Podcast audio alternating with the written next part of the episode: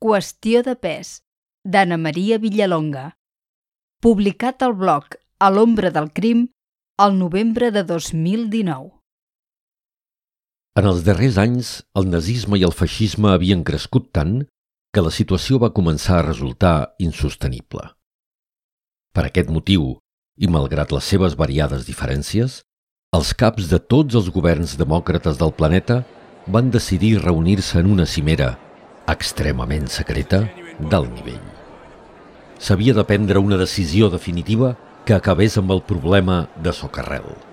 La intransigència intolerant dels energúmens havia assolit cotes insuportables que amenaçaven la vida de la terra i de la bona gent. Després de posar damunt la taula diverses propostes, no va costar gaire que els mandataris arribessin a un acord. Com que no volien de cap manera que es produís un bany de sang, això era cosa dels altres, van optar per una via que els va semblar més civilina, però prou efectiva. En una complexa operació conjunta sense precedents, van detenir tots els fatxendes. Se sabia perfectament qui eren perquè es creien invencibles i en feien ostentació. I els van desembarcar en una illa deserta enmig de l'oceà Pacífic. Lluny de tot, a molts quilòmetres de la civilització. No els van deixar cap eina ni cap estri que els pogués ajudar a fugir. N'eren molts i no ho tindrien gaire fàcil – però ja s'arreglarien com poguessin per sobreviure. Tanmateix, ningú no s'esperava allò que va succeir. Al cap de pocs anys, com que els desterrats sumaven centenars de milers de persones i a més van procrear, l'illa sencera es va enfonsar tot d'una, sobtadament, de cop i volta.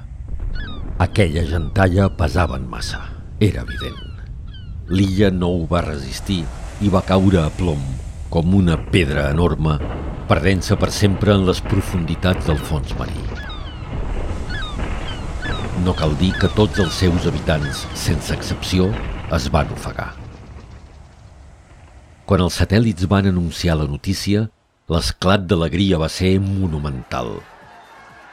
La humanitat sencera es va lliurar a una celebració apoteòsica, plena de joia i de felicitat.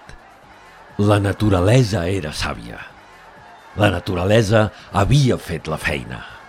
Finalment, la justícia poètica havia triomfat i aquells bojos sense ànima havien desaparegut del mapa. Les festes es van allargar durant setmanes arreu del món, per totes les ciutats i pobles, enmig d'un goig fraternal que no s'havia vist mai. Estaven tan enfeinats gaudint de la bona nova que van trigar uns quants dies a ser conscients d'allò que estava passant. Perquè, de cop i volta, milers de peixos i animals marins van començar a surar entre les onades amb expressió aterrida.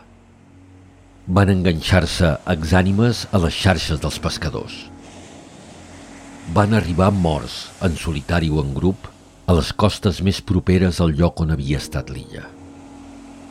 Científics de tots els països esfereïts es van posar a treballar de valent, intentant amb desesperació trobar la raó d'aquella mortaldat massiva i inesperada.